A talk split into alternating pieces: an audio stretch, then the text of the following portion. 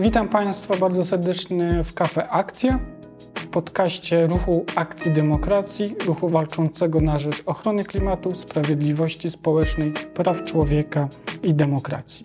W naszym podcaście rozmawiamy o rzeczach ważnych i aktualnych z aktywistkami, ekspertkami i polityczkami.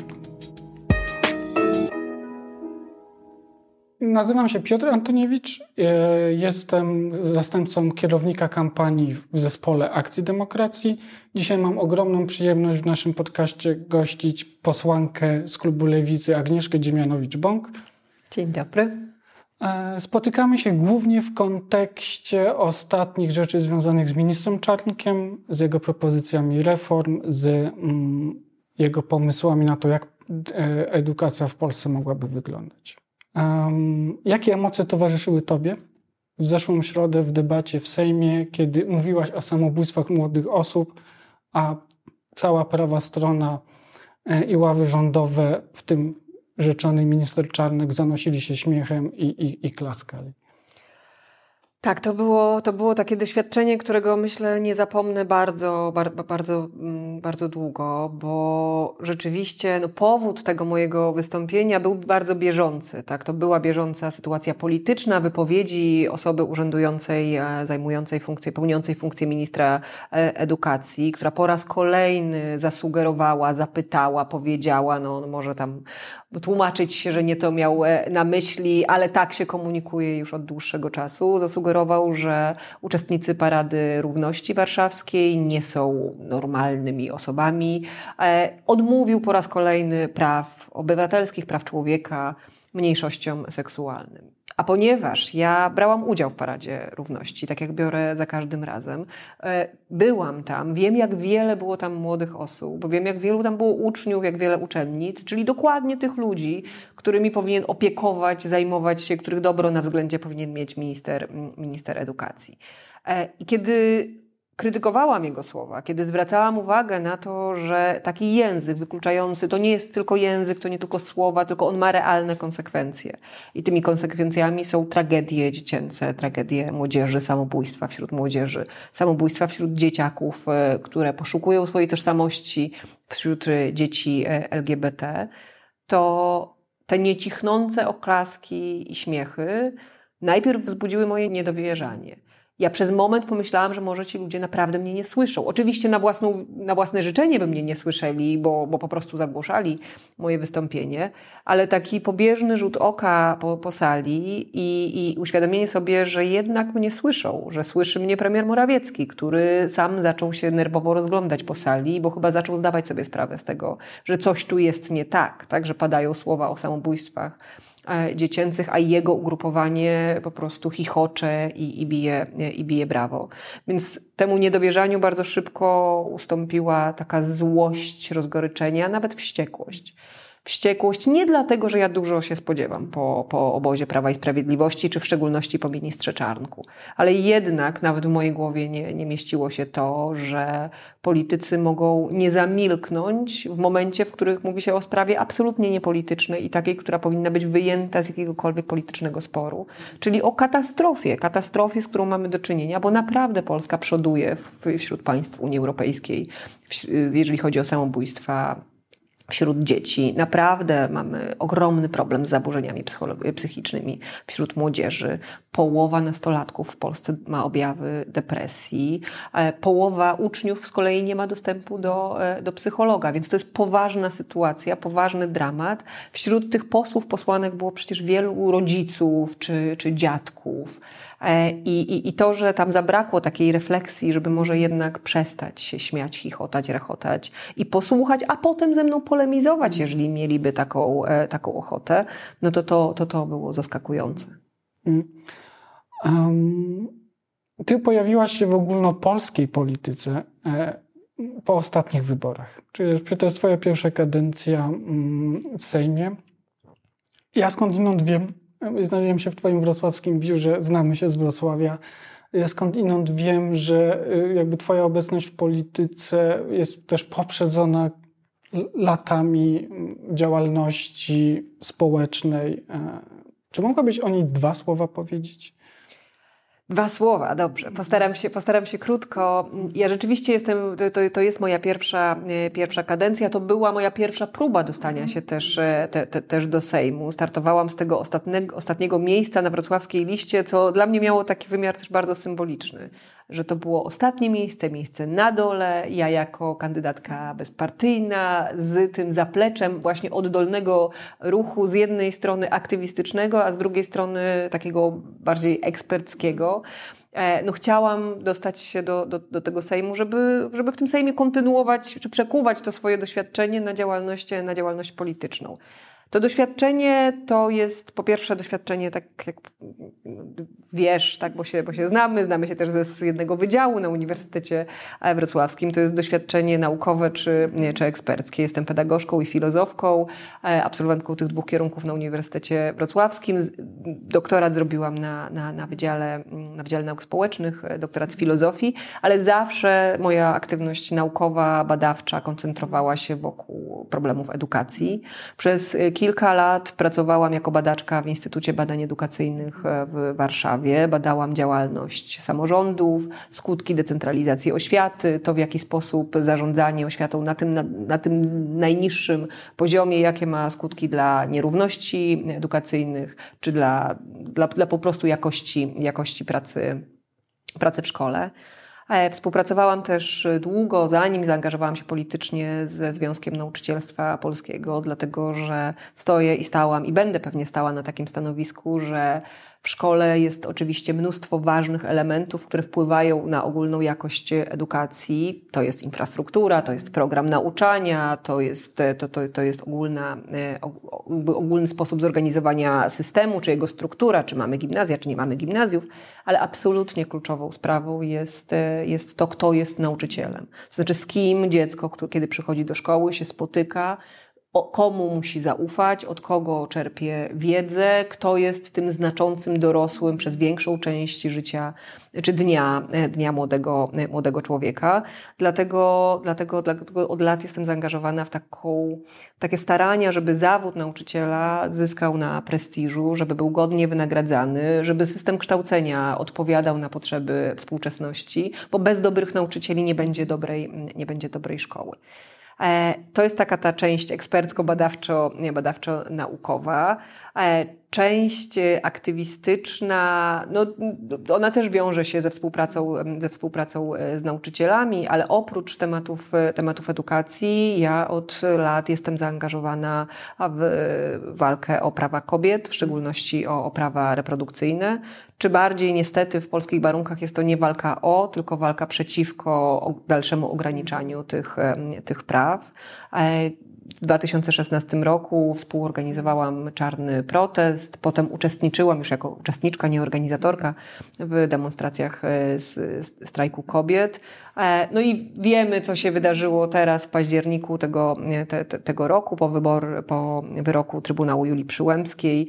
Już w innej roli, oczywiście nie aktywistki, nie organizatorki tych demonstracji, ale starałam się też, jak tylko mogłam, uczestniczyć w protestach kobiet starając się wykorzystać narzędzia poselskie, takie narzędzia właśnie jak immunitet, legitymacja poselska, możliwość interwencji czy monitorowania działalności E, działalności policji podczas e, takich zgromadzeń, do tego, żeby wesprzeć e, kobiety, a często też uczniów i uczennice, bo znowu to jest taki, to, to, to kolejna była taka lekcja społeczeństwa obywatelskiego w tym, w tym działaniu.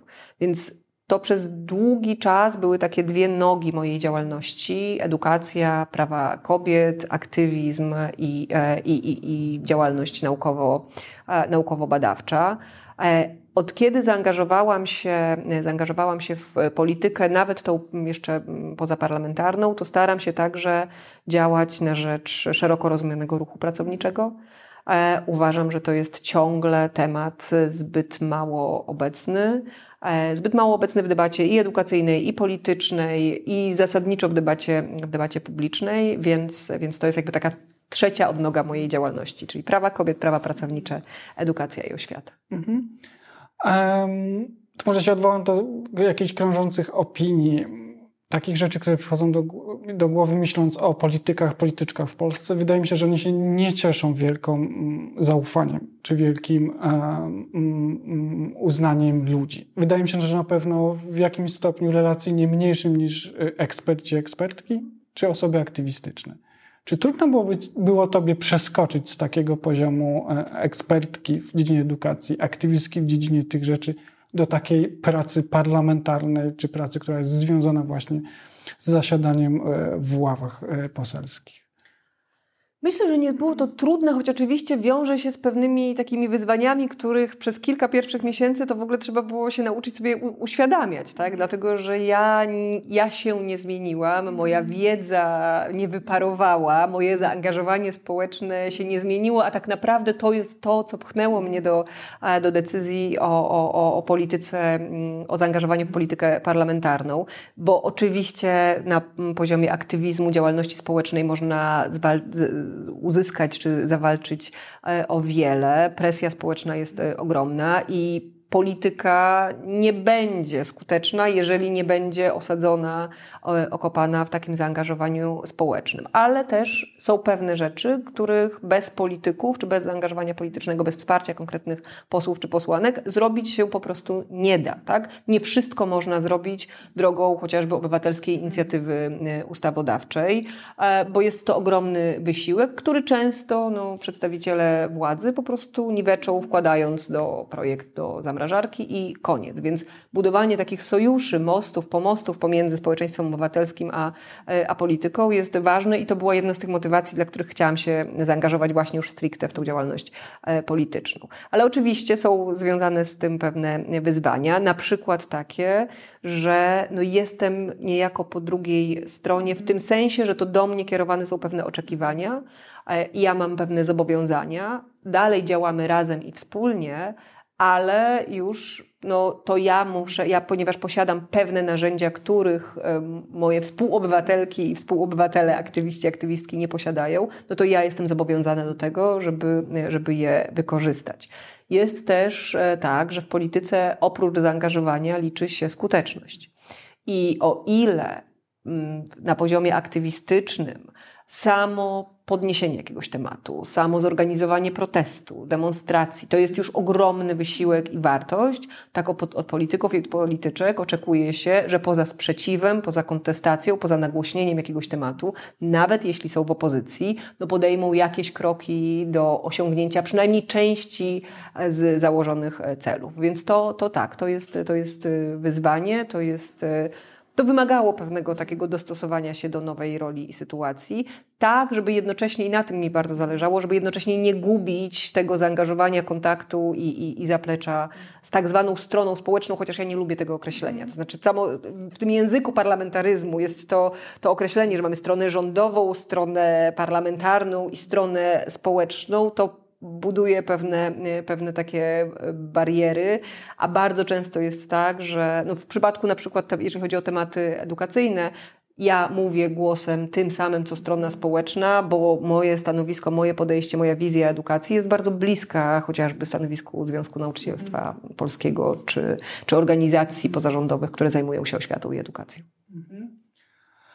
Um, a czy jest coś w pracy parlamentarnej, co Ciebie zaskoczyło? No znowu, to jest.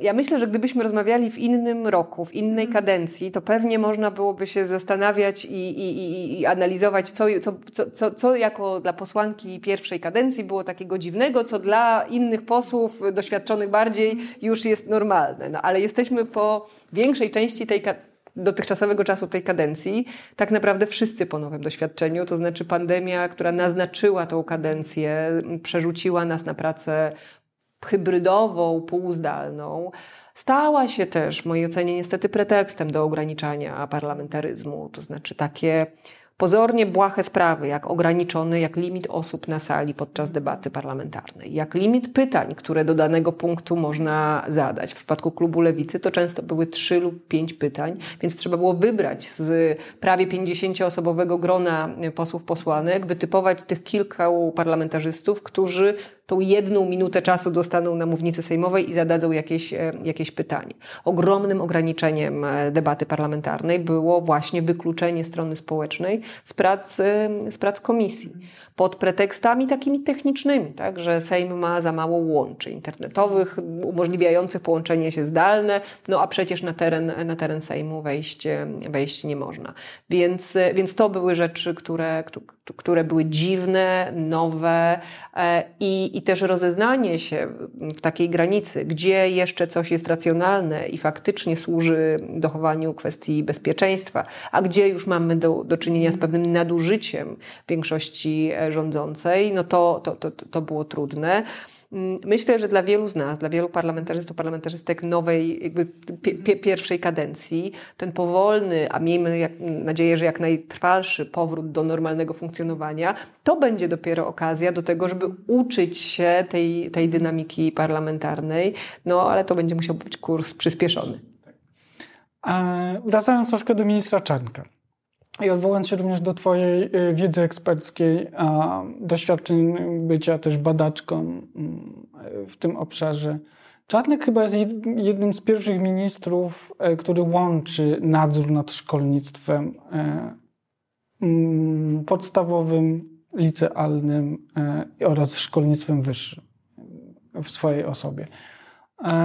Pojawiają się ostatnio te dwie rzeczy, o których minister Czarnek mówi, które się wydają być dość e, istotnym zagrożeniem dla systemu edukacji e, w naszym kraju, czyli pomysły zmiany w prawie oświatowym oraz ten mm, tak zwany pakiet wolnościowy skierowany e, do szkolnictwa wyższego, uniwersytetów itd. Tak Co w tym proponowanych przez Czarnka zmianach w prawie oświatowym jest z Twojej perspektywy yy, najgroźniejsze?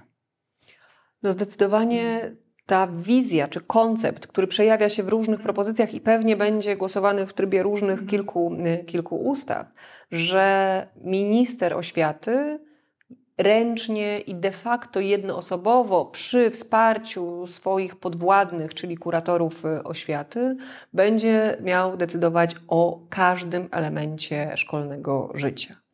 Już nie organy prowadzące, czyli samorządy, już nie rodzice, czy rada szkoły, rada, rada rodziców, już nie dyrektor jako gospodarz, gospodarz y, szkoły, tylko minister edukacji. To znaczy z Alei Szucha w Warszawie będą szły polecenia, komunikaty dotyczące nie tylko podstawy programowej, na to się zgodziliśmy, tak ustawiając system oświaty, że to jest koordynowane centralnie, ale też kwestie takie bardzo podstawowe, jak, jak, jak, jak kwestia kadry. Tak, kogo, którego nauczyciela w szkole zatrudniać, a którego nie. Kto może pełnić funkcję dyrektora, a kto nie. I nie mówimy tutaj o ustalaniu ogólnych standardów, tylko personalnych decyzji, e, decyzji kadrowych.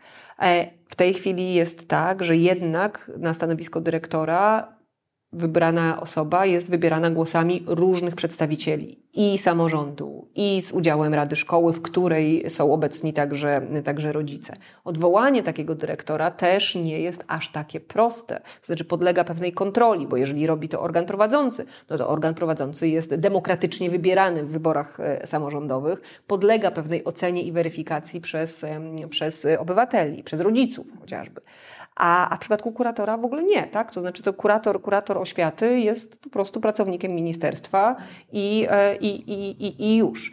E, te, w tych pomysłach są też takie duże pola do interpretacji. Mówi się o tym, że ten kurator oświaty będzie miał prawo odwołać dyrektora, jeżeli ten dyrektor dopuści się pewnych uchybień i nie naprawi tych uchybień w nadzorze pedagogicznym wskazanych przez kuratora w ciągu 14 dni. No ale za takie uchybienia można uznać czy jak pokazuje przykład Barbary Nowak, małopolskiej kurator oświaty, rzeczy, które w normalnym państwie nie budziłyby żadnych kontrowersji. Nie ma nic złego w tym, że uczniowie, uczennice e, uczą się o konstytucji, czy czytają konstytucję. W tym samym czasie, kiedy kurator Nowak i minister Czarnek ostro krytykują zajęcia z, właśnie związane z, z konstytucją, premier Morawiecki odwiedza szkoły i opowiada o Polskim Ładzie. I, I tutaj nie ma już tej, e, te, tej reakcji. Więc widać, że chodzi po prostu o to, skracając już może ten wątek, żeby kurator oświaty wchodził do szkoły jak komisarz polityczny partii rządzącej i sprawdzał, czy dyrektor zarządza y, tą szkołą w sposób zgodny z linią partii, czy nauczyciele, którzy są zatrudnieni, są zgodni z linią partii, czy zajęcia dodatkowe, które są tam organizowane, są zgodne z ideologią, e, z ideologią partii, bo w tej chwili znowu to jest kolejny, kolejna kwestia. Jeśli do szkoły dyrektor chciałby zaprosić jakąś organizację pozarządową, do, żeby przeprowadziła warsztaty, jakąś interwencję, jakieś szkolenie, spotkanie, to z dwumiesięcznym wyprzedzeniem będzie się musiał zwrócić e, o taką zgodę do kurator oświaty. Przypomnijmy sobie kurator Nowak, Małopolską. Jest jasne, że nigdy pani kurator nie zgodzi się na to, żeby do szkoły weszły, weszła taka organizacja jak Ponton na przykład, prowadząca warsztaty czy edukację z zakresu zdrowia i seksualności. Ale już Ordo Juris, które chcia, będzie chciało wejść z warsztatami opowiadającymi o tym, jak złe są rozwody, Myślę, że pani kurator Nowak roz, rozścieli czerwony, czerwony dywan. Paradoksalnie w tych, w tych e, zmianach nie chodzi o samych dyrektorów. Tak naprawdę chodzi konkretnie o uczniów, bo można spodziewać się takiego ciągu konsekwencji. Dyrektor pozostający pod presją kuratora pod groźbą tego, że zostanie zwolniony albo że zostanie wysłany do więzienia na trzy lata, bo przepisy karne do ustawy oświatowej także chce minister Czarnek wprowadzić ten dyrektor będzie tak dobierał wychowawców czy nauczycieli, takich zwalniał, takich zatrudniał, no żeby nie budziło to żadnych wątpliwości. Nauczyciel, który będzie obawiał się utraty pracy, będzie tak układał e, plan lekcji, tak układał zajęcia i treści, które tam przekazuje, żeby nie budziło to żadnych wątpliwości, żeby było widać, że wszystko jest właśnie zgodne z oczekiwaniami e, urzędującej władzy. Jeżeli, ale wyobraźmy sobie taką hipotetyczną sytuację. Mamy te nieszczęsne warsztaty Ordo Juris o tym, jakie e, rozwody są straszne. Rodzic nie chce, żeby jego dziecko w tym uczestniczyło. Co może zrobić? No może napisać usprawiedliwienie tak z, z nieobecności. I teraz pytanie, jak zachowa się taki nauczyciel czy wychowawca? Uzna to usprawiedliwienie? Obniży ocenę z zachowania? E, jakie będzie oczekiwanie ze strony dyrektora? To po prostu mamy taką, ta, ta, te, te konsekwencje będą skapywać na sam poziom i koniec końców uderzą po prostu w dzieci. Dlatego tak ważne jest, żeby to właśnie rodzice się w tej chwili obudzili, zaangażowali i uświadomili sobie, że tu nie chodzi o osobę, która zarządza szkołą państwa dziecka, to może chodzić koniec końców o państwa dziecko w tej szkole. Jesteś w takim miejscu, w którym docierają do ciebie różne głosy. Jesteś w miejscu, w którym docierają do ciebie głosy e, koleżanek i kolegów z klubu parlamentarnego albo innych parlamentarzystów, parlamentarzystek. Jesteś w tym miejscu, gdzie masz kontakty ze Związkiem Nauczycielstwa Polskiego, czyli to zorganizowane przedstawicielstwo nauczycieli i nauczycielek z Polski. Wiem, że podejrzewam, że jesteś w kontakcie i masz też odsłuch na to, co martwi uczniów, uczennicy, rodziców. Czy wyłania się, e, czy, czy te głosy, mm, one siłą rzeczy są różne? E, czy, mogę, czy, czy z takiego odsłuchu widzisz, e, co, co najbardziej może martwić nauczycieli w tych proponowanych zmianach? Czy rodzice już mają tą świadomość właśnie tego, co, jest zagrożeniem? Albo co sami uczniowie, uczennice na ten temat w kontakcie z Tobą, jakoś się z Tobą kontaktując, mówią, czego one czy oni się e, obawiając, że ich może po wakacjach w tym roku nowego przywitać w tej szkole? Uczniowie, czy młodzi, młodzi ludzie najbardziej obawiają się tych zmian, zmian w programie kształcenia, nawet nie w kanonie lektur, bo kanon lektur, umówmy się, jest jakąś taką niszową sprawą. W środowiskach eksperckich czy, czy pedagogicznych zawsze żartujemy sobie, że jak ktoś nie ma zielonego pojęcia o edukacji, to pierwsze co robi, to zaczyna rozmawiać o tym, co powinno być w kanonie lektur, bo to jest, to jest tak naprawdę drugorzędna, drugorzędna sprawa. Ale bardzo boją się takich zmian, jak pomysły wprowadzenia obowiązku chodzenia albo na religię, albo, albo na etykę. Widzimy z danych, z statystyk, że coraz więcej uczniów rezygnuje z lekcji religii stworzenie obowiązku chodzenia albo na religię, albo na etykę i jednocześnie wprowadzenie takich mechanizmów, które sprawią, że te lekcje etyki to będą de facto lekcje religii, bo będą nauczane przez tego samego księża, księdza, albo przez katechetę, albo przez kogoś wykształconego na jednej z wskazanych uczelni przez ministra Czarnka, takich jak uczelnia ojca Rydzyka, jak Uniwersytet kardynała Stefana Wyszyńskiego, czy wydziały teologiczne, no to mają świadomość tego, że będą przymuszani do, będą przymuszani do nauki religii. Pojawiają się sugestie, że e, matura z religii miałaby się, miałaby się pojawić w, w, w polskiej, w przestrzeni polskiej edukacji. Więc boją się tych, tych zmian. Boją się po doświadczeniu z ostatniego roku, z udziału protest, w protestach, w protestach strajku kobiet, w, w walce o prawa reprodukcyjne, boją się bardzo ograniczania swoich konstytucyjnych praw i tego, że będą oceniani pod, pod kątem swoich poglądów, a nie swojej wiedzy. To zresztą już teraz się dzieje i nie mówię tutaj tylko o ciąganiu po sądach Mm, młodych ludzi, uczestników tych protestów, ale też o konsekwencjach, jakich doświadczają na poziomie, na poziomie szkoły. Za ustawienie sobie nie takiej ikonki w awatarze podczas edukacji zdalnej, czy za to, że nauczyciel czy dyrektor zobaczył e, ucznia czy uczennicę na, na takim proteście.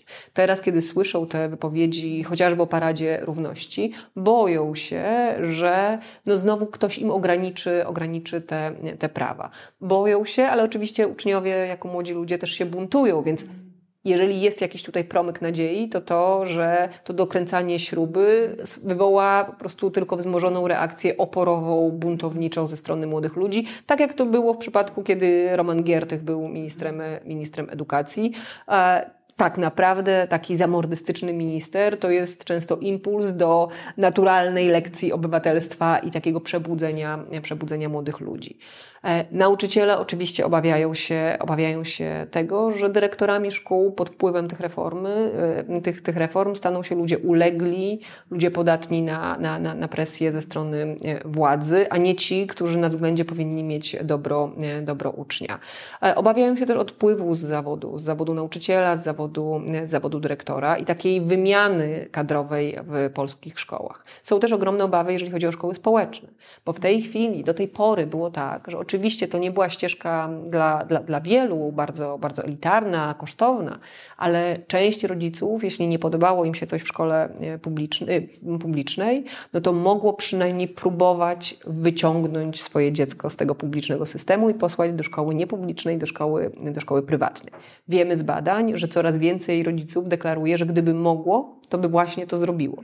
Nawet wyborców Prawa i Sprawiedliwości. 44% wyborców Prawa i Sprawiedliwości deklaruje, że gdyby ich było stać i mogło, to zabraliby swoje dzieci ze szkoły zreformowanej przez Annę, przez Annę Zalewską i posłało do szkoły e, niepublicznej. Ale na tą ucieczkę, na tą drogę wyjścia minister Czarnek też ma pomysł, ponieważ jego plany zwiększenia kompetencji nadzoru pedagogicznego i kuratorów obejmują również szkoły niepubliczne. Jeżeli taka szkoła niepubliczna będzie będzie wierzgać i jeżeli nie będzie chciała się poddać tej linii partyjnej, to po prostu zostanie wykreślona z ewidencji. Zostaną odebrane organowi prowadzącemu prawa do prowadzenia takiej szkoły. Więc nikt nie jest bezpieczny. Nie, nawet jeżeli ktoś myśli, że uda się uciec przed, przed tymi reformami, to jeśli one się staną faktem, to, to, to obejmą wszystkich. Ja myślę, że pytasz o to, czy, czy rodzice są już świadomi. Ja myślę, że jesteśmy na początku tej drogi tego uświadamiania.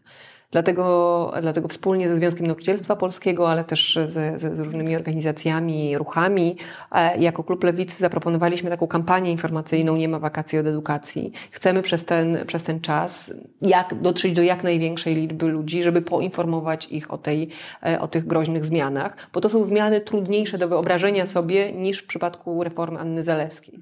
Kiedy likwidowano gimnazja, można było zwizualizować sobie, no jest szkoła, jest gimnazjum, za chwilę go nie będzie, tak? I można było być za, przeciw, jakoś się wokół tego organizować. Coś takiego jak autonomia szkoły jest trudno wyobrażalne. Stąd te przykłady moje, że to, to naprawdę może dotknąć realnie, materialnie, fizycznie każdego, każdego ucznia. E, I myślę, że ta świadomość narasta. Jest coraz więcej protestów pod waszym e, wnioskiem o obywatelskie wotum nieufności wobec Czarnka. Podpisało się już Ponad 52 tysiące. Ponad 52 tysiące, ponad 52 tysiące ludzi, więc, więc to i to w zaledwie, zaledwie w tydzień, a dopiero jesteśmy u progu tych wakacji, więc można liczyć na to, że faktycznie ten, ten sprzeciw będzie narastał. E, wydaje mi się, że ta perfidia mm, pomysłu Czarnka tych reform, ona jest podwójna. E, z jednej z tego strony, co słyszę, ona jego pomysły i zrozumienie wśród ludzi nie jest tak oczywiste, jak to zrozumienie, które chociażby pamiętamy wprowadzane przez Romana Giertycha, mhm. gdzie też była i, i mundurki, i różne rzeczy, które były po prostu wyobrażalne. i można się było do nich odnieść. Ja zresztą pamiętam też ze swojego doświadczenia wyjazdy z Wrocławia autobusami na protesty właśnie przeciw Giertychowi, które też gromadziły, e, jak na warunki polskie, imponującą liczbę uczennic i uczniów.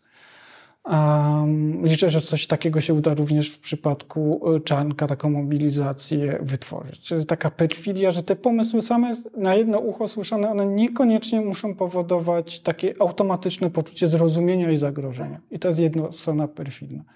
A druga perfidia tego, e, co proponuje Czarnek i, i jak rozumiem Prawo i Sprawiedliwość, w moim przekonaniu również jest związana z momentem. Po roku, po całym roku nauki doświadczenia nauki zdalnej, kiedy mamy ten czas, e, rodzice, uczennice i uczniowie, żeby po prostu odetchnąć. Wakacje są od tego. Żeby złapać oddech, być może mm, nie myśleć o edukacji. No, to też jest, w przypadku uczniów, no to też jest powiedzmy 8 godzin, 7 codziennego ich praktycznie życia spędzonego w szkole, czy w tym przypadku przed ekranem komputerów. Masa pewnie też myślenia rodziców, y, zastanawiania się, te trudności z nauką zdalną i tak dalej. I potem, jak mamy po takim pełnym roku doświadczenia możliwość po prostu odetchnięcia, może pożywienia się trochę tą nadzieją, że będzie po wakacjach, e, chociaż tutaj pokazują inne rzeczy, że może być podobnie, ale na moment odetchnięcia przychodzi minister Czarnek, przedstawia to, co przedstawia i siłą rzeczy um, stawia nas na momencie troszkę wyboru. Albo odpuszczamy, bo są wakacje, albo pomimo mobilizujemy się, żeby ta szkoła po wakacjach nie była dużo E, dużo gorsza. Także ja tutaj widzę tą perfidię Czarnka właśnie, czy PiSu w tych dwóch e, momentach. Ja bym do tego dodała, jeżeli mogę, jeszcze, jeszcze, tak, jeszcze trzecią, trzeci wymiar tej perfidii. Bardzo, bardzo jest to dobre e, określenie, bo oczywiście się w pełni, w, pełni się zgadzam. Tak, oczywiście, po pierwsze one są trudne i jeszcze będą rozciągnięte na kilka różnych projektów, ten rządowy, ten poselski, chaos i dezinformacja. Po drugie, pod osłoną wakacji, wtedy, kiedy siłą rzeczy no, zmęczenie sprawia, że nie jesteśmy tak wszyscy zainteresowani. A trzecia jest jeszcze taka, że bo zawsze, jeżeli podejmuje się pewne działania, to nie podejmuje się innych. Mhm. My faktycznie jesteśmy po roku pandemii, po roku też naturalnego pewnego eksperymentu w edukacji, który pokazał, tak, co nie działa, czego brakuje, pojawiły się nowe problemy i nowe wyzwania. I teraz zamiast rzucić wszystkie siły i zasoby będące w dyspozycji resortu na rozwiązanie tych realnych problemów, ale też na to, żeby szkoła, do której powrócą uczniowie tak naprawdę we wrześniu po roku nieobecności, no nie licząc teraz tego krótkiego okresu przed wakacjami, żeby ona była lepsza, żeby ona była nowa, żeby nie była taka jak przed pandemią, tylko żeby po prostu była dużo, dużo, dużo, dużo lepsza. Zamiast wprowadzić e, ciepły posiłek w szkole. Wiemy, że ponad 900 tysięcy dzieci w Polsce żyje w ubóstwie. Około 300 tysięcy w skrajnym ubóstwie. Ciepły posiłek w szkole to dla nich mógłby być ratunek tego, żeby po prostu nie uczyć się o pustym, o pustym e, żołądku. Rząd Minister edukacji nic o tym nie mówi. Nie ma słowa na temat tego rodzaju pomocy i opieki. Skąd inąd rząd likwiduje, zwija takie skromne programy dożywiania, jakie funkcjonowały od lat, bo obniża stawki dla dostawców i już od września prawdopodobnie nie będzie w szkole szklanki mleka czy, czy owoców. Mamy, naprawdę mamy, wbrew temu, że minister Czarnek chichocze i wtóruje mu jego, jego klub, naprawdę mamy dramat, jeżeli chodzi o skalę zaburzeń psychicznych e, wśród dzieci i młodzieży. E, brakuje psychologów, brakuje oddziałów psychiatrii dziecięcej. Pandemia tylko nasiliła te problemy. Już po pierwszym lockdownie 44% polskich nastolatków miało objawy depresji. Teraz można tylko się spodziewać, że jest, że jest jeszcze gorzej. Zamiast naprawdę zapewnić psychologa w każdej szkole, dostępnego dla każdego ucznia, a nie na kilka setek e, parę, parę godzin, to minister Czarnek po prostu zajmuje się lekcjami religii, tak? I, i, i podporządkowywaniem sobie nadzoru pedagogicznego w sposób, jaki, z jakim do tej pory nie mieliśmy do czynienia. Więc ta perfidia jest e, trzykrotna, tak? Jeszcze jest ta ta stracona szansa, tak? ta stracona szansa na lepszą, e, na, na lepszą szkołę. I nawet jeżeli uda się, a liczę na to, że uda się zmobilizować społeczeństwo do protestów, do demonstracji, no to pytanie pozostaje, czy po tych protestach i demonstracjach starczy nam jeszcze siły na debatę o tej tej pozytywnej stronie, taką konstruktywną debatę, jaka mogłaby być e, polska szkoła. My się staramy taką debatę prowadzić, e, staramy się proponować rozwiązania, które znowu wydają nam się niekontrowersyjne, jak na przykład wprowadzenie dwóch tygodni adaptacji na początek każdego roku szkolnego.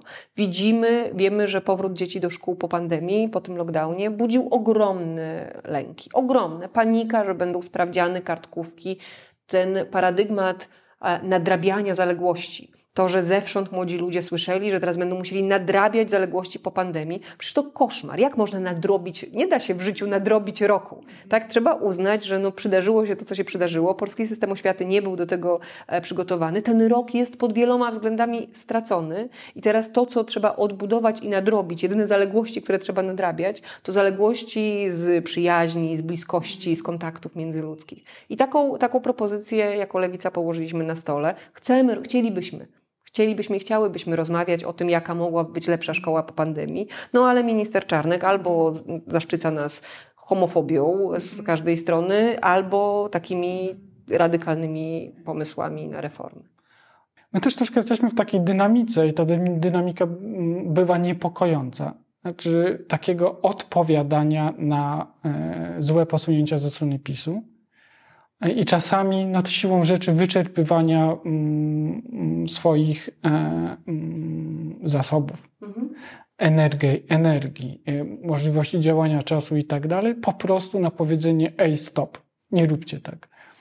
E, I też jakby doświadczenie pokazuje dziesiątki tysięcy głównie kobiet w czarnych protestach.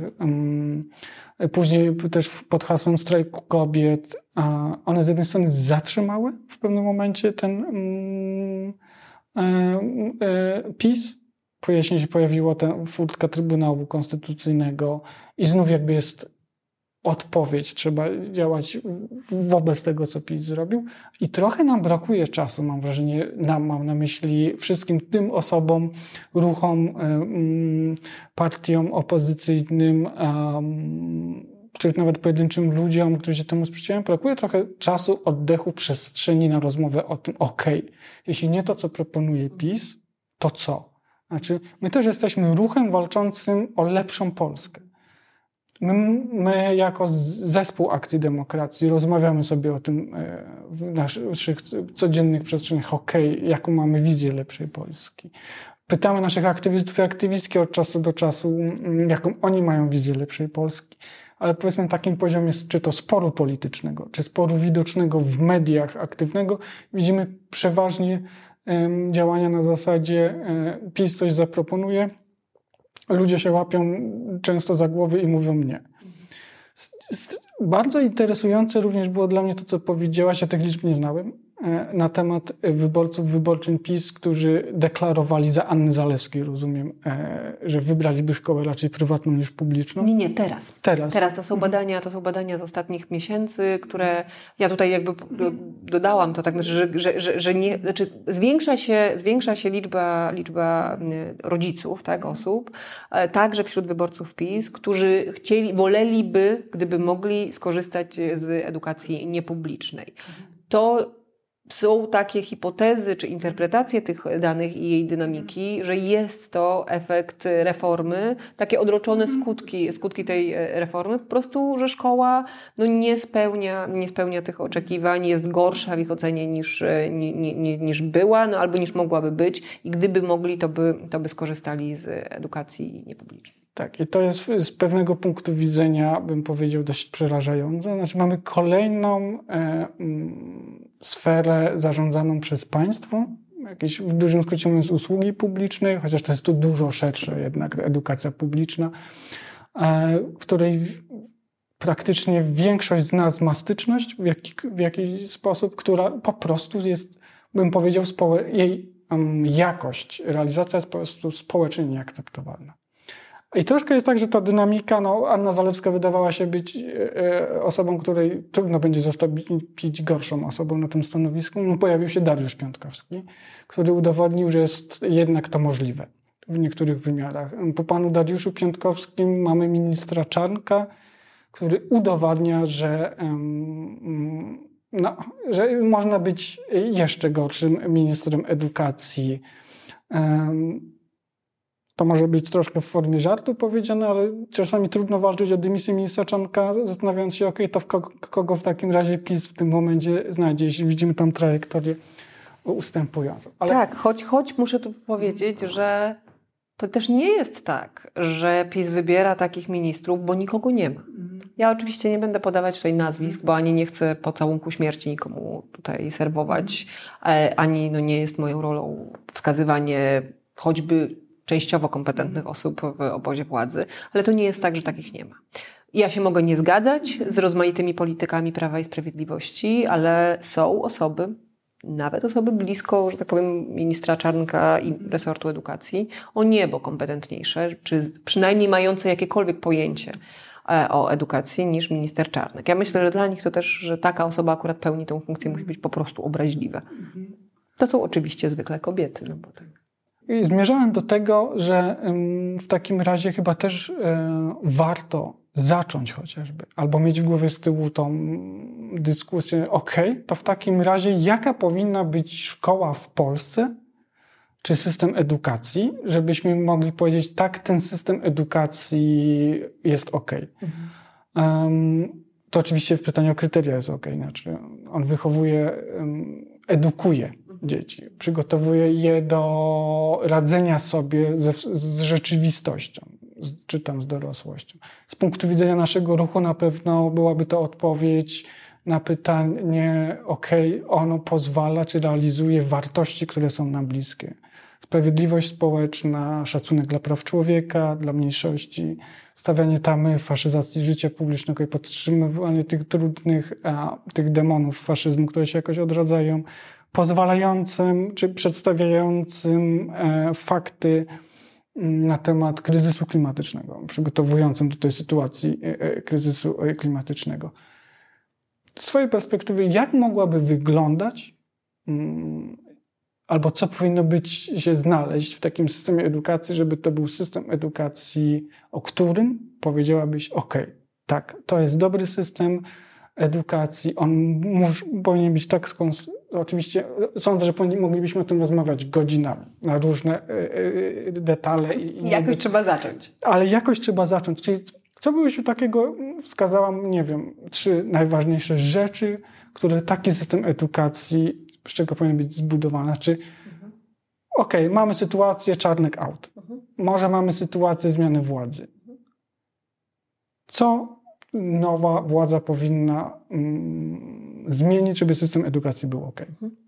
Pierwszą rzeczą, taką z meta pewnego poziomu, to na pewno każda nowa władza, czy każda władza, która chciałaby na serio myśleć o edukacji, powinna sobie uczciwie postawić taki cel, że znaczy stawiamy sobie cele i chcemy realizować je we współpracy z innymi środowiskami politycznymi, bo wiadomo jest, że dobrego systemu edukacji nie zbuduje się w jedną kadencję. To muszą być cele uzgodnione ponad, czy jakieś przynajmniej częściowy konsensus, tak? co do tego, co jest, e, co jest najważniejsze, tak, żeby można było do tego dążyć. Ta, w taki sposób zbudowano dobry system edukacji, jak na przykład system fiński, który był reformowany, budowany wiele lat, bez względu na, na, na to, kto akurat e, był, e, był u władzy. Z mojego punktu widzenia, mm, dobra szkoła czy dobry system edukacji to jest taki system edukacji, który edukuje, wychowuje i opiekuje się wszystkimi dziećmi, czy uczniami, uczennicami, bez względu na to, jakie, z jakiego miejsca pochodzą, jakie przywileje, czy korzyści, czy szanse mają w swoim domu rodzinnym. Taki system, który jest wrażliwy na tą różnicę, na różnicę pochodzenia, różnicę dochodu, różnicę miejsca zamieszkania, ale jest wrażliwy nie po to, żeby selekcjonować za pomocą tych różnic, tylko żeby te różnice w jakiś sposób niwelować, nadrabiać. Jeżeli to są różnice dotyczące majętności czy ubóstwa, no to właśnie wprowadzanie posiłków dla każdego dziecka, dla każdego, nie tylko dla tego, którego potrzebuje, tylko dla każdego, żeby był to posiłek, o który nie trzeba prosić, którego nie trzeba się wstydzić, który nie jest takim orderem czy wypisanym na słowie, na, na, na czole słowem potrzebuje pomocy, tak? tylko, tylko przez takie programy buduje się też poczucie wspólnoty, więzi, solidarności, a przy okazji nikt nie jest po prostu głodny, tak, w tym mhm. konkretnym przypadku. Dobra szkoła to jest szkoła, która e, wychowuje, a nie tylko, a nie tylko edukuje, ale wychowuje oczywiście w duchu e, no, takich wartości demokratycznych, wartości takich jak tolerancja, jak równość, jak równość pomimo różnic. Te różnice mogą być rozmaite. To mogą być różnice polegające na tym, że do szkoły przychodzi e, dziecko z bardzo wierzącej rodziny i w jaki sposób to uszanować, w jaki sposób pomimo, nie wiem, przewin, przewin Kościoła i całej debaty na temat problemów, e, problemów Kościoła, jak szanować tą taką osobę i takie dziecko.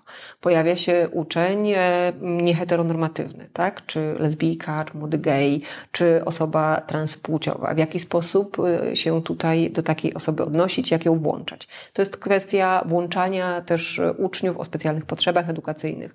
Z niepełnosprawnościami, ale także z różnymi wyzwaniami, czy, czy po prostu potrzebami. To nie zawsze są choroby, to nie zawsze są problemy, to czasami są szczególne uzdolnienia. Więc to jest taka szkoła, która rozumie tą różnorodność, uwzględnia tą różnorodność, jest na nią wrażliwa, ale jednocześnie chce tak edukować, żeby wszyscy bez względu, jakby mieli równe, równe szanse, czy równe możliwości rozwijania się, rozwijania swojego, e, swojego potencjału. E, tak jak już mówiłam, jak już wspominałam, dobra szkoła to jest szkoła, która jest dobrym miejscem pracy. Mamy ciągle w Polsce takie podejście do edukacji i do nauczycieli, że albo traktujemy ich jako wyrobników, tak po prostu kogoś, kto, kto, kto, kto przychodzi, odwala swoją, e, swoją robotę, i, albo jako misjonarzy, jako ludzi, którzy przychodzą do pracy z powołaniem i w zasadzie wypłata, pensje, warunki pracy nie powinny go interesować, bo przecież ma misję e, niesienia tego kaganka, kaganka oświaty. Potrzebna jest uczciwa dyskusja nad zawodem nauczyciela, tak, żeby z jednej strony doceniać szczególną przydatność i potrzebę społeczną tego zawodu, ale z drugiej dostrzec w nim czy w nauczycielach pracowników, tak? ludzi, który, którzy mają swoje rodziny, którzy mają swoje potrzeby, którzy mają swoje ambicje i należy ich godnie, e, godnie e, wynagradzać. E, mamy, bo cały czas w polski system oświaty boryka się z problemem pewnego uśmieciowienia, tak, czy takiej dywersyfikacji, jeżeli chodzi o, o zatrudnianie nauczycieli. Część z nich jest zatrudniana w oparciu o kartę nauczyciela, część, jeżeli szkoła jest sprywatyzowana czy, czy niepubliczna, już, już niekoniecznie. A propos tej prywatyzacji, no, dobry system edukacji to jest system publiczny.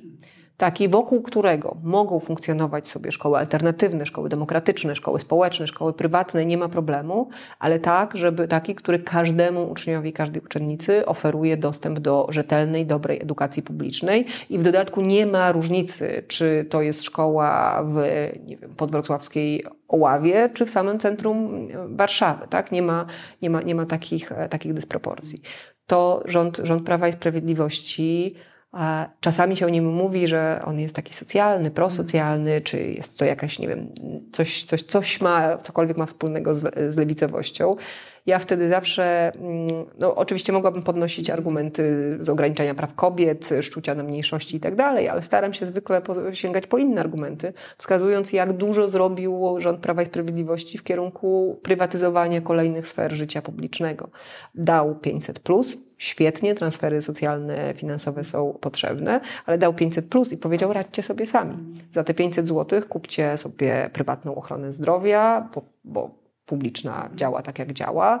E, poślijcie dziecko do, do, do, do, do szkoły, znajdźcie dla niego psychologa, jeżeli potrzebuje i tak dalej, i tak dalej. E, I to samo dzieje się, to samo dzieje się z tymi zachętami do prywatyzowania do prywatyzowania szkół. Więc szkoła, dobra, dobra, dobra szkoła, dobry system musi być, musi być systemem publicznym, e, gdzie współpracują ze sobą samorządy i władza centralna. Ja nie jestem zwolenniczką całkowitej, radykalnej decentralizacji oświaty, oddania zupełnie władzy, władzy samorządom, dlatego że jestem zwolenniczką równości w, w, w edukacji i niwelowania nierówności także, także terytorialnych.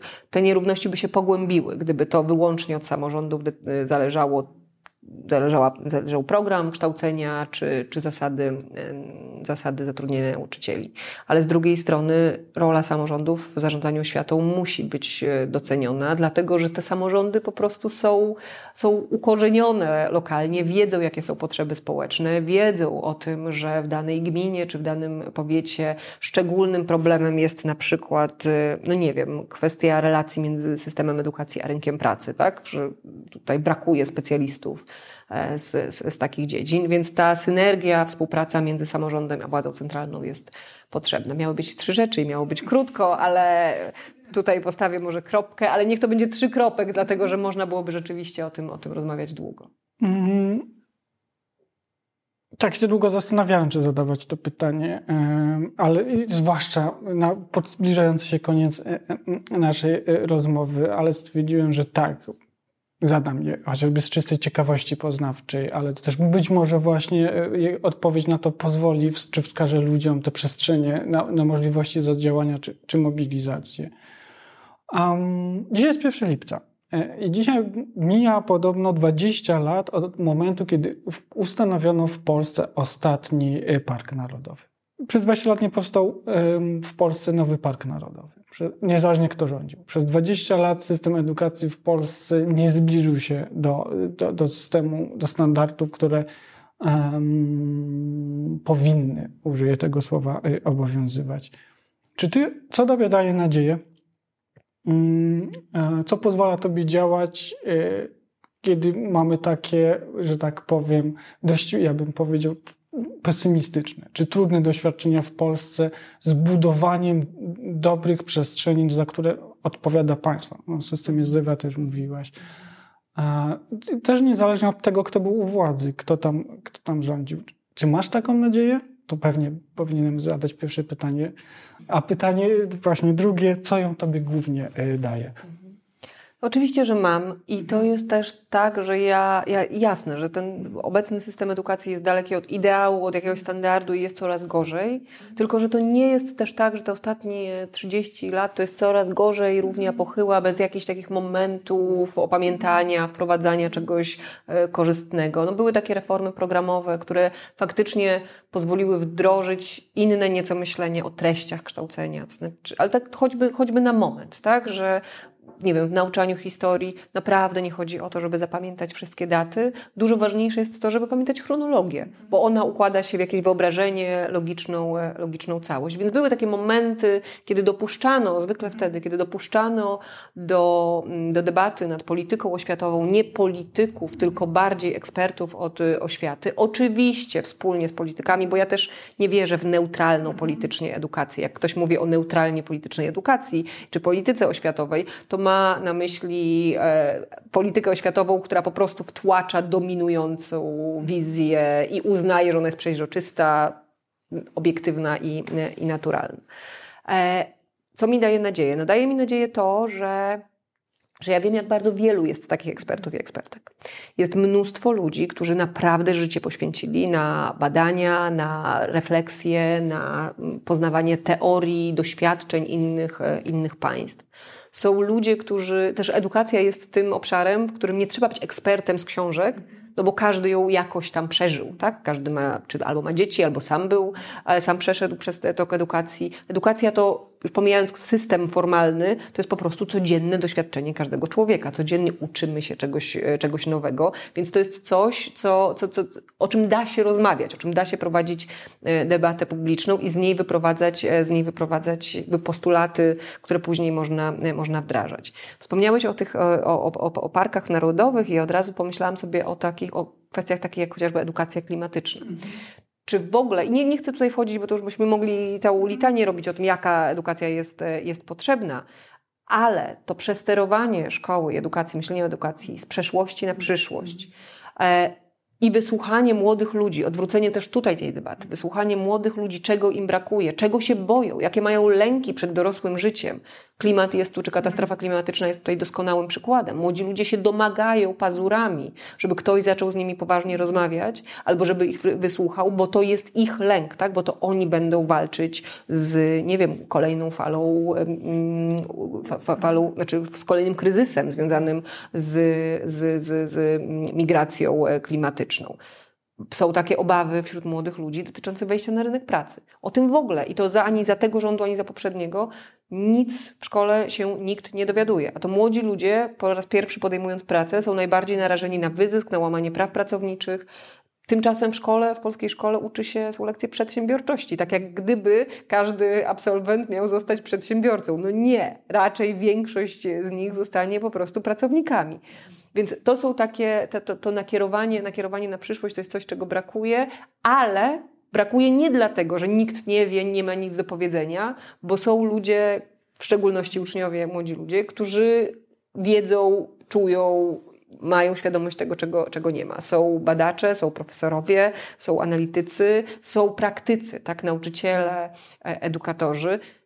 Ta baza wiedzy jest ogromna i narasta, i to jest to, co daje mi tą, tą nadzieję, że jeśli udałoby się uchylić te drzwi ministerstwa, jeśli w końcu przy Alei Szucha e, znalazłby się ktoś, kto znajduje się tam nie dlatego, że Prawo i Sprawiedliwość chciało mieć swojego ziobrę, tak? Chciało jakoś tam, nie wiem, chciało mieć kontrowersyjną osobę na tej, na, na, tej funkcji po to, żeby nie tylko przedstawiciele Solidarnej Polski byli przedstawiani jako ten prawicowy e, radykalizm. Albo będzie tam ktoś, kto nie jest tam dlatego, jak w przypadku Anny Zalewskiej, że no nikt inny nie chciał, a prezes Kaczyński obiecał jej, że jak przez kilka lat będzie ministrem edukacji, no to potem dostanie e, posadę w Parlamencie Europejskim. Tylko jeśli trafi tam w końcu osoba, która będzie chciała współpracować z nauczycielami, rodzicami, uczniami e, i, i środowiskami oświatowymi, e, i zaproponuje całej klasie politycznej pewien pakt dla edukacji, pewne porozumienie, kilka punktów, jeżeli chodzi o te cele dalekosiężne, wykraczające poza, e, poza jedną kadencję, i zaprosi się tych wszystkich, te wszystkie podmioty, które są nosicielami tej ogromnej skumulowanej wiedzy edukacyjnej, no to powinniśmy mieć wspaniały system edukacji. I oczywiście to jest naiwne myślenie na pewno i życzeniowe, ale, ale ta szansa jest cały czas ją mamy. Mamy cały czas szansę na to, żeby zbudować dobrą, dobrą szkołę mm, w Polsce, czy do, dobry cały system edukacji, bo przecież nie mówimy tylko o oświacie, ale także o, o nauce i szkolnictwie wyższym. No trzeba tą szansę tylko, tylko wykorzystać i moim zdaniem barier jest mniej, są bardziej uciążliwe, ale barier jest mniej niż możliwości do ich przeskoczenia. Są ludzie, którzy wiedzą, jaki jest cel. Są ludzie, którzy wiedzą, jak do niego dojść. Jeśli wspomniałeś o edukacji klimatycznej, um, są ludzie e, zdeterminowani do tego, żeby tą zmianę e, spowodować. I wydaje mi się, że te klocki są na miejscu i je trzeba po prostu e, poukładać. Ale zanim zaczniemy te klocki układać, to jest jakby jedna rzecz. Trzeba uchylić drzwi do ministerstwa. Póki w ministerstwie jest czarnek, jasno należy powiedzieć, że te drzwi uchylone nie zostaną. Także nasze zadania na najbliższe miesiące, y, wy macie, ruszacie ze swoją akcją, nie ma, y, eduka- wakacji, nie ma wakacji od edukacji. Od edukacji. My y, ciągniemy, nasilamy rzeczy związane z obywatelskim wotum nieufności dla ministra. Mm, ja mam nadzieję, a czy tak sobie w głowie mi się za, przed chwilką pojawiła myśl, że tak, no to są po prostu rzeczy do odkreślenia, do zrealizowania. A za parę lat, być może jak się spotkamy w tym czy w innym miejscu na jakąś inną rozmowę, to, to będziemy sobie wspominać właśnie rozmowę z 1 lipca 2021 roku. Okej, okay, właśnie o tym mówiliśmy i to się dzieje. Tego sobie i wszystkim nam życzymy. Także ja bardzo dziękuję dzisiaj za, za rozmowę, za spotkanie i z tą myślą, z tą, co mi się w głowie pojawiło, z Twoimi słowami teraz po prostu e, na dzisiaj się rozstaniemy i powiemy z naszym e, słuchaczom i słuchaczkom, że e, jest zadanie do wykonania. Mm, cel jest jasny, wiadomo jak do niego dojść. Potrzebujemy społecznej mobilizacji i potrzebujemy od każdej i każdego z Was odrobiny czasu, odrobiny wsparcia, odrobiny zaangażowania, na tyle to jest możliwe, bo edukacja chyba nie ma, jest niewiele takich rzeczy, które w życiu tak nas absorbują, czasowo nawet po prostu jak edukacja. Nas własna, naszych dzieci, naszych bliskich. I ta przestrzeń bliska e, wydaje się być tą, która jego jedna z pierwszych powinna zostać po prostu e, naprawiona czy doprowadzona do takiego standardu, który umożliwi to, o czym e, przed chwilą sobie rozmawialiśmy. Ja może jeszcze na koniec powtórzę, że każdą osobę chętną, która by chciała wesprzeć yy, obywatelskie wotum nieufności, może odwiedzić stronę www.akcjademokracja.pl i tam odnaleźć yy, to wotum nieufności z waszymi działaniami się spotkają y, pewnie na, w waszych również mediach społecznościowych? Tak, ja chciałabym tutaj, jeżeli mogę dodać, że jako Lewica wspieramy całym sercem obywatelskie wotum nieufności wobec Przemysława Czarnka. Akcja Demokracja zbiera podpisy w internecie, a my dla tych osób, które działają bardziej analogowo, wolałyby podpisać się na ulicy, na petycji, będziemy zbierać od najbliższego weekendu takie podpisy również szukajcie, wypatrujcie nas na ulicach waszych e, miast. Każde, każdym sposobem, każdym kanałem warto jest zaznaczyć, że nie chcemy ministra Czarnka na tym, e, na tym stanowisku. E, I trzeba działać teraz, bo co prawda często mówi się o tym, że edukacja to przyszłość i to jest prawdziwe zdanie, ale edukacja to nie tylko przyszłość, edukacja to teraz, edukacja to bieżące życie dzieci, e, które faktycznie spędzają jedną trzecią życia, życia w szkole. Warto jest zadbać o to, żeby to ich życie nie było tak przykre, jak musi być pod rządami tego ministra. Tak, jest przerażająca myśl, nie możemy zostawić jednej trzeciej życia w rękach Przemysława Czanka i jeszcze bardziej w rękach Przemysława Czanka. Zdecydowanie. Dziękuję. Dzięki.